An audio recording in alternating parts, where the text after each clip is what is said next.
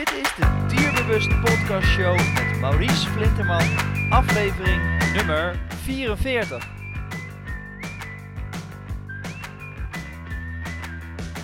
Welkom bij de Dierbewust Podcast Show, waarin je luistert naar experts die je voorzien van de beste informatie, tips en tricks op het gebied van honden.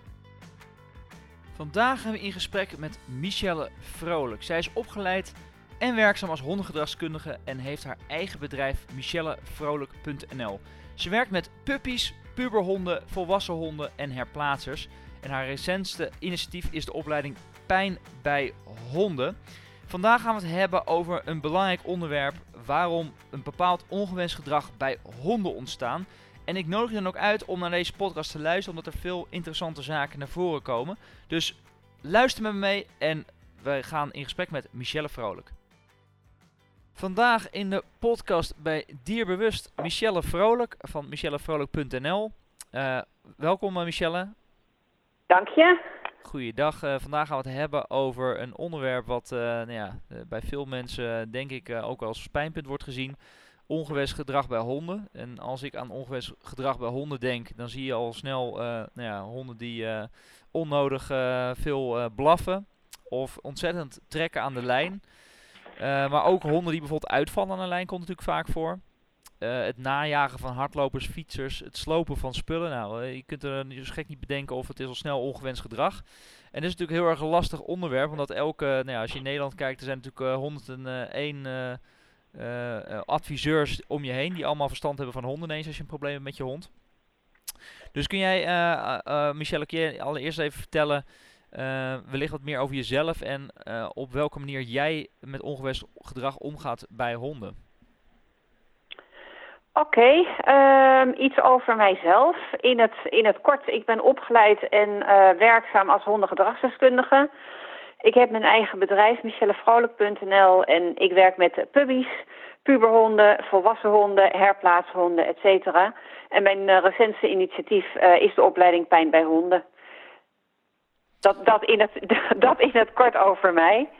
Ja, dus jij hebt, uh, als ik je zo hoor, heb je uh, veel uh, te maken met ongewenst gedrag. Hè? Want je, je begeleidt veel honden. En, mm -hmm. nou, daar zullen we zo even wat verder op ingaan. Dan heb jij ook uiteindelijk de opleiding pijn bij honden voor ontwikkeld. Omdat veel ongewenst gedrag vaak bij pijn bij honden ontstaat, volgens jou. Maar ehm, stel dat het niet aan de pijn ligt die een hond heeft. Um, ja, hoe kun je daarmee omgaan bij, bij je hond? Er, zijn zoveel adviseurs, er zijn zoveel trainers, er zijn zoveel uh, methodes. Um, ja, en hoe vind je nou als hondenliefhebber iemand die, uh, of een methode die bij jou en je hond past?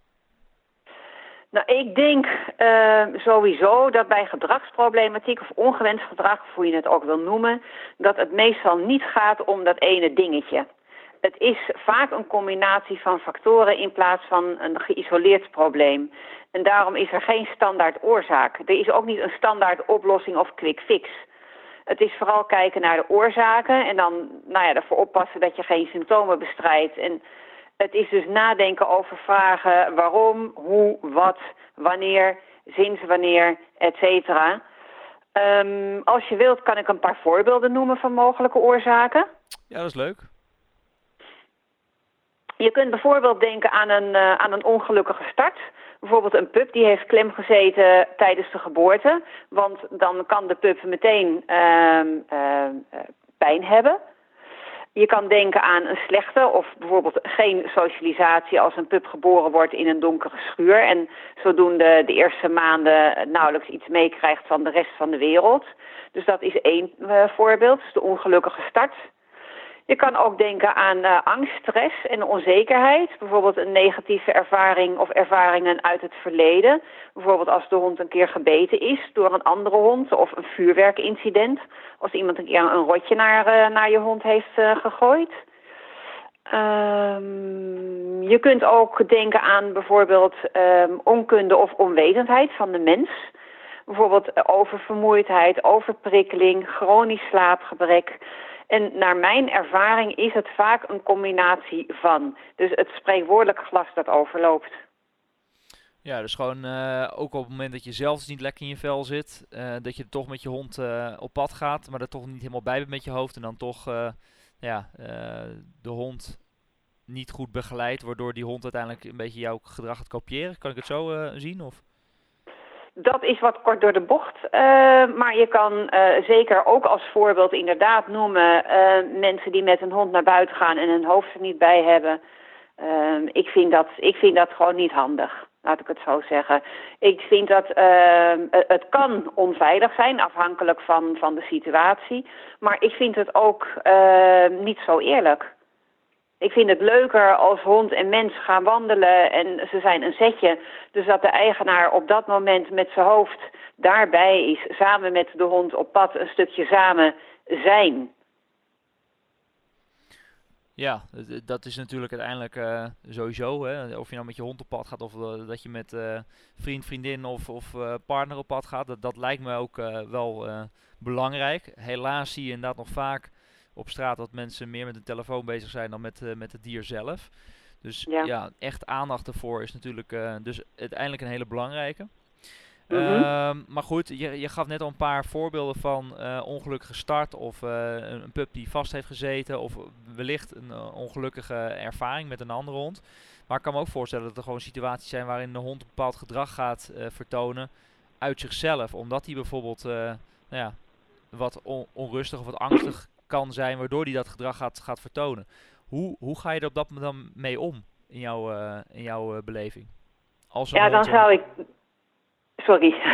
Nee, maar dan, zou ik toch, uh, dan zou ik toch kijken naar, naar de oorzaak. Kijk, een hond vertoont niet opeens out of the blue um, uh, dramatisch um, uh, ander gedrag. En stel dat er iets is, bijvoorbeeld een puberhond uh, die niet terugkomt. Hè. Laten we dat als voorbeeld nemen. Dat het al door um, heel erg goed ging met, met de pup en luisterde prima, kwam prima terug. En opeens gaat het heel veel slechter. De hond gaat meer zijn eigen gang, et cetera. Als dat bijvoorbeeld rond de puberteit ontstaat, dan zou je ervoor kunnen kiezen om de hond tijdelijk meer aan de lijn te houden. Of bijvoorbeeld met uh, een hondenvriendje samen op te lopen, dus twee mensen, twee honden, om te kijken of de hond dan meer bij, uh, bij het groepje blijft, om te kijken of dat helpt.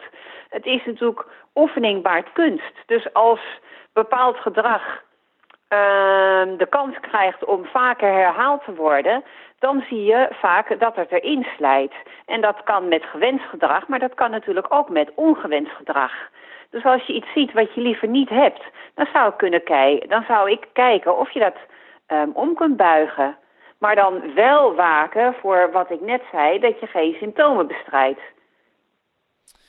Ja, en uh, symptoom bestrijden bedoel je dat je dus uh, inderdaad met je quick fix, dus je, je gaat een probleem wat uh, bijvoorbeeld de trek aan de lijn of in jouw geval dat je zegt van, wat was het voorbeeld dan wat je net aanhaalde? Um, de pup die opeens niet meer luistert in de puberteit. Ja, precies. Um, als je daarop inzoomt, um, dus wat bedoel je dan precies met symptoomstrijden? Um, uh, een vergelijking voor symptoombestrijding is bijvoorbeeld, stel, en het is dan niet rondgerelateerd het voorbeeld, maar het geeft denk ik wel aan wat ik bedoel. Stel je hebt een huis met een funderingsprobleem en je denkt, uh, nou ja, er ontstaan scheuren in de muren, laten we daar een behangetje over plakken of we, we plamuren ze dicht. Uh, dan bestrijd je een symptoom, want even later gaan de deuren klemmen of krijg je een, ander probleem. Dus je lost de oorzaak niet op. En als je dat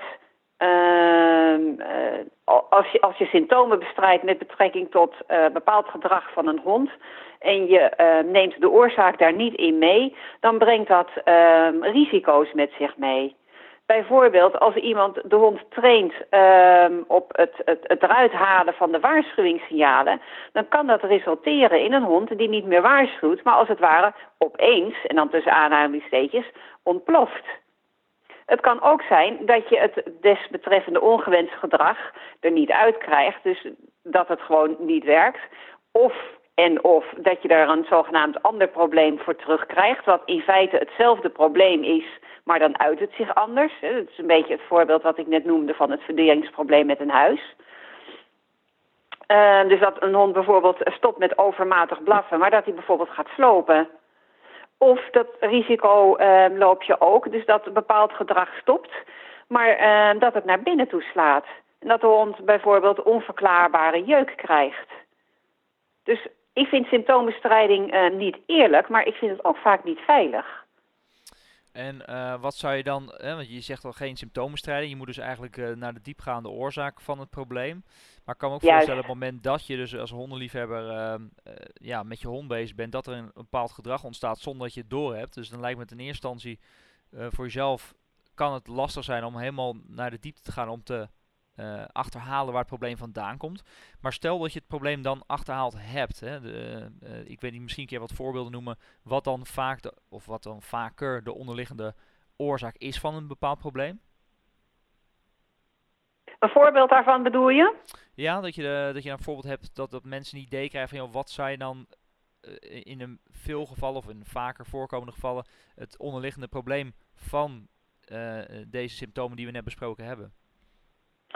Uh, je kan bijvoorbeeld denken aan een te hoog stressniveau. Als ik kijk naar honden, uh, ongewenst gedrag wordt heel vaak uh, veroorzaakt door een continu verhoogd stressniveau. En dan is het dus kijken naar bijvoorbeeld stressfactoren in het leven van de hond. Bijvoorbeeld het gooien van uh, ballen en stokken, ehm, ruw verkeerd en of te lang spel ehm, eh, tussen hond-hond. maar je kunt ook denken aan hond-mens. Um, je kunt denken aan um, een te hoog leefniveau überhaupt. Als je kijkt naar, ja, het, het, het, klinkt wat ouderwets, maar als je kijkt naar de maatschappij momenteel, het is, mensen hebben een ontzettend hoog, vind ik, leefniveau. En het, het, het moet allemaal maar snel en tegelijk en, uh, en, en meteen en alles bij elkaar. Dat, dat werkt niet. Met een hond moet je geen haast hebben. En natuurlijk hebben we allemaal wel eens een keer haast. Maar in principe moet je als een hond, uh, uh, moet je als hondeneigenaar natuurlijk um, geen haast hebben met een hond. Uh, je ziet ook vaak ehm, te hoge verwachtingen, dus te veel druk op de hond. Ehm, te weinig quality time samen met de hond, waar we het eigenlijk net al over hadden. Dat. Ik denk ook dat mensen vaak dingen over het hoofd zien of dat ze de impact uh, onderschatten van bijvoorbeeld lichamelijk en geestelijk trauma. Dan kun je bijvoorbeeld denken aan een incident uh, tussen je eigen hond en een andere hond. Als dat uh, misschien weinig schade geeft, dat je denkt van, nou ja, god, de mond is iets oor gebeten, het heeft even gebloed en we smeren er wat op en that's it, hij loopt, hij loopt gewoon nog. Dan denk ik dat mensen het toch onderschatten. Als je zelf gebeten bent door, uh, door een hond, dan is dat ook niet in een uurtje weg. Tenminste, meestal niet. En een hond is geen harige mens, maar er zijn toch wel heel veel overeenkomsten. Ja, precies. Nou, dat is stress bij honden is natuurlijk een onderwerp wat we wel vaker hebben aangesneden. Um, wat ik je dan veel van hondenliefhebbers uh, naar voren krijg is, ja, stress bij honden, dat, dat kan natuurlijk. Hè, uh, maar we leven natuurlijk in deze maatschappij waar natuurlijk ook de nodige stress bij komt kijken. Daar ont ontkom je niet aan, zeker niet als je bijvoorbeeld in een, in een drukke stad woont. Uh, het moment dat je een hond helemaal niet blootstelt aan prikkels of aan stress, dan leert hij daar natuurlijk ook niet mee te dealen. Hoe, hoe ga je in zo'n situatie dan toch, omdat je hond een soort van stress uh, of leert omgaan met stress versus te veel stress um, die je hond zeg maar zo overprikkelt waardoor die zeg maar bijvoorbeeld kan gaan uh, ongewenst gedrag kan gaan laten zien? Ik denk dat een, een gestreste hond, als de hond echt gestrest is en uh, dat houdt te lang aan, uh, dat hij daar zeker last van, uh, van zal krijgen. En dat kan zich uiten in, in lichamelijke kwesties en of in, in gedragskwesties. Maar het is eigenlijk ook met een mens. Als je zelf als mens te lang een te hoog stressniveau hebt, dat gaat niet goed. We zijn vaak minder goed in staat om helder na te denken, om de juiste beslissingen te nemen. We botsen bijvoorbeeld eerder tegen iemand aan, uh, spullen laten we uit onze handen vallen. Uh, ons glaasje loopt over en we kunnen dan misschien ook, als we een korte lontje krijgen daardoor, eerder uitvallen tegen iemand of op zijn minst dat onze woordkeuze wat, wat minder handig is. Ik denk dat dat ook voor, uh, voor honden kan gelden. En um, als je dan kijkt, hè, want bij mensen, dus natuurlijk de laatste tijd is dat sowieso een, een ding. Hè, de, de, als je kijkt naar de nieuwe nou ja, nieuwe maatschappij, zo kun je het noemen. Maar je ziet dat inderdaad heel veel mensen te kampen met, met, met te veel stress. Ehm, ze maken overuren. Ehm, die krijgen dus burn-outs, et. Dus, dus problemen. Ehm, dus iedereen is eigenlijk aan, bezig met het, vinden van de juiste balans. Hè. Daarvoor is denk ik ook bijvoorbeeld yoga een heel interessant iets wat, wat heel erg opkoming is. Niet alleen in Nederland, maar ook in het buitenland. Mm -hmm. Hoe vind je nou de juiste balans voor jouw hond? Hoe kun je nou als hondenliefhebber ervoor zorgen dat je dus zorgt dat jouw hond niet te veel stress meekrijgt, maar wel gewoon kan dealen met die stress, maar toch ook niet helemaal stressloos is. Hè? Want uh, helemaal geen stress voor een hond, helemaal geen prikkels is ook weer niet goed. Dus hoe vind je de juiste balans? nou, ik denk helemaal geen stress dat dat ook niet, niet helemaal haalbaar is. Als ochtends mijn wekker een keer heel vroeg afloopt, dan kan je ook denken, ik heb wat stress. Uh, dus helemaal stressloos. Ik denk dat dat niet de realiteit is en dat, dat hoeft ook niet. Maar ik denk dat het belangrijk is om te doseren. Om te kijken wat, wat kan je hond aan en uh, wat is haalbaar. En uh, stel dat je een intensieve dag hebt gehad en je denkt, nou, mijn hond heeft, uh, heeft wat meer stress dan, dan anders. Dan kan je daarop inspelen en daarmee rekening houden dat je de dagen daarop uh, misschien wat rustiger aandoet of uh, wat meer samen bent of um, um, iets anders doet, een, uh, een, een wandeling door een, een prettig rustig gebied. Het is vooral kijken naar, naar wat je hond aangeeft. En als iemand dat lastig vindt, want dat kan natuurlijk ook best lastig zijn... er zijn allerlei boekjes erover, cursussen, lezingen, et cetera, om om kennis uit te brengen. Want ik denk dat dat ook een item is, achterhaalde kennis of, of misschien verouderde kennis. Dus daar ben ik een groot voorstander van om, om, om kennis uit te breiden. En ik denk ook als je kijkt naar hè, wat, wat geeft de hond aan, dat is toch een vorm van communicatie. Dat kan best lastig zijn. Als je kijkt naar uh, mens-mens communicatie, dat, dat vinden we al vaak moeilijk. De timing, de woordkeuze, toon, lichaamstaal. Uh, dus als je kijkt naar mens-hond communicatie, dan is dat extra lastig, omdat we toch anders communiceren. Dus ik denk dat het heel erg de moeite waard is om, um, om daar tijd, geld en energie in te steken, om, om ervoor te zorgen dat, dat mensen hun hond nog beter leren lezen. En dan kan je ook beter bepalen, heeft mijn hond stress, zonder dat dat meteen een dramatische vormen aanneemt en dat je kan kan kijken, oké, hoe uh, stuur ik dat bij? Ja, want over bijsturen gesproken, hè, eh, op een gegeven moment ehm, is het dus belangrijk om heel erg te signaleren van, heeft mijn hond niet, niet te veel stress en hou ik dat in de juiste balans.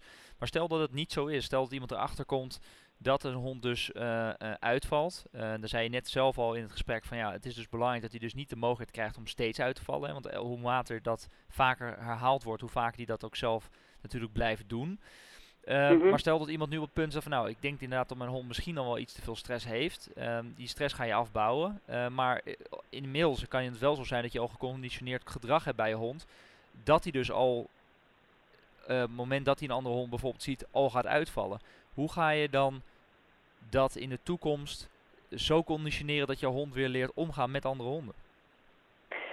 Het is voor mij moeilijk om advies te geven over een hond die ik nog niet gezien heb, uh, waar ik geen achtergrondinformatie over heb, et cetera. Dus dat, dat is lastig.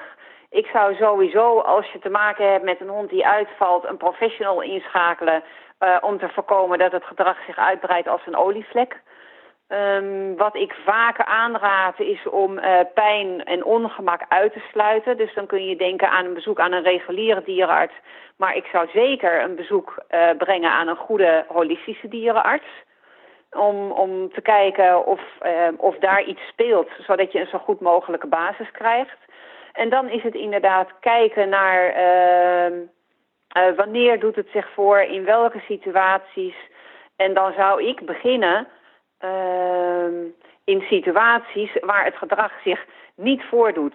Ongewenst gedrag doet zich bijna nooit ten alle tijden non-stop 24 uur per dag, 7 dagen per week voor. Dus ik zou beginnen in situaties uh, waar het gedrag zich niet voordoet, dus waar het goed gaat. En vanuit daar zou ik gaan bouwen, wat mensen niet altijd doen. Uh, maar ik vind dat zelf wel het meest realistische. Dan gaat het stressniveau, als het te hoog is van de hond, naar beneden. Ehm, en je werkt vanuit een, een goed uitgangspunt. En je stuurt ook niet, het is misschien een flauw voorbeeld, maar je stuurt ook niet een kind van zes op rolschaats naar de universiteit in de verwachting dat dat allemaal wel losloopt. Dat gaat hem gewoon niet worden. dus ik zou kijken naar uh, ik zou meer teruggaan naar de basis. Ik zou uh, pijn en ongemak uitsluiten. Ik zou een professional vragen om hulp en kijken naar wat er speelt. Uh, en ik zou werken vanuit een situatie ehm, waarin het wel goed gaat. En dan langzaam maar zeker kan je kijken ehm, wat de hond aan kan en dat je dat uitbreidt.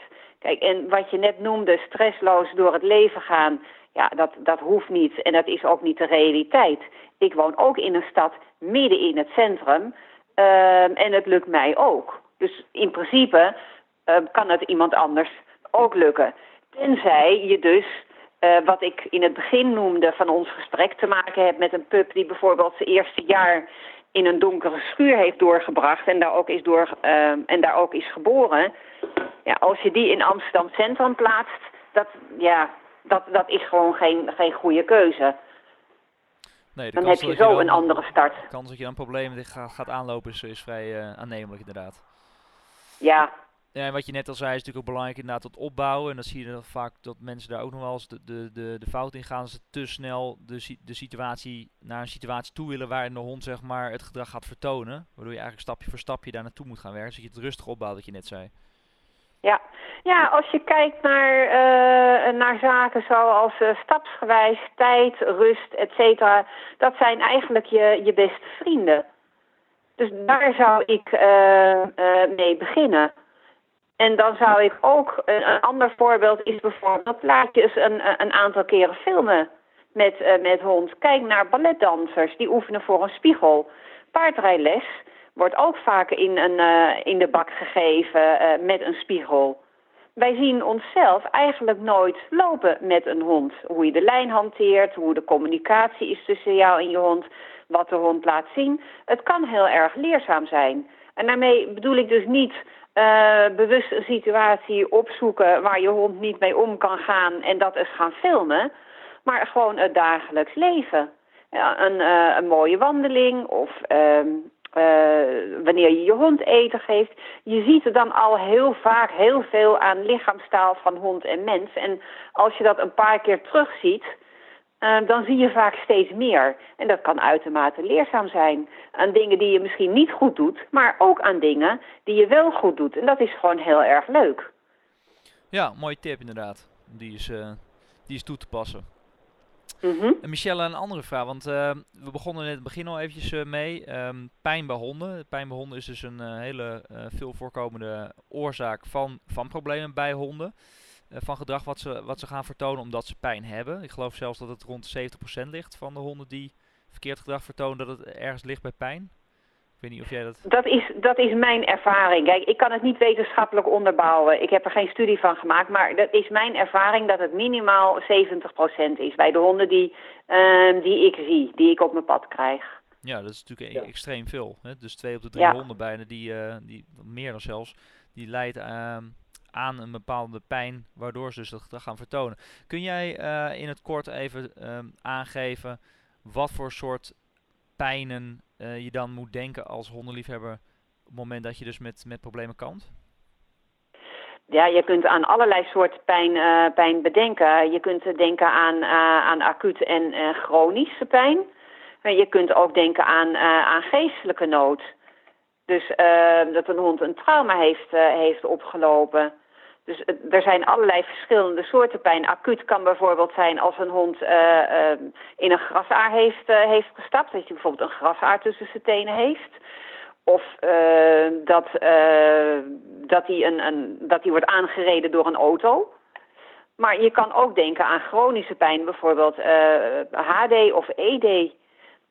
Um, jeuk kan je ook aandenken, zeker als dat chronisch is of chronisch wordt.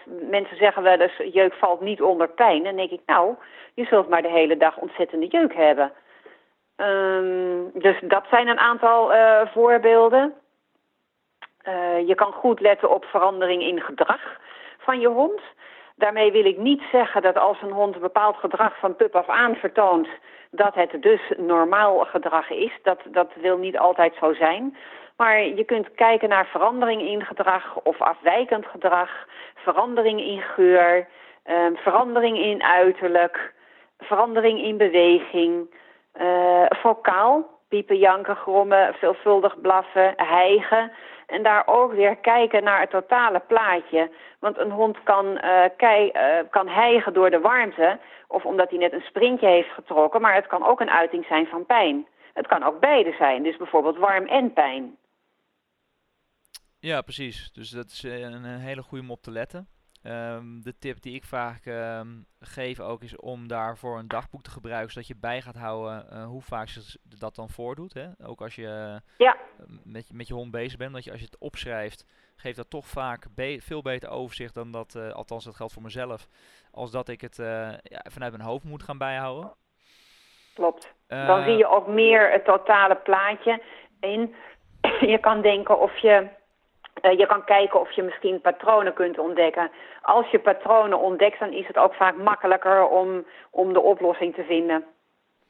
Ja, precies. Ja. Um, en als je dan, wat, daar, daar, daar had je het net even over, je gaf aan van ja, je kunt naar een regulier dierenarts gaan, maar je bent dan een voorstander om naar een holistische uh, praktijk te gaan.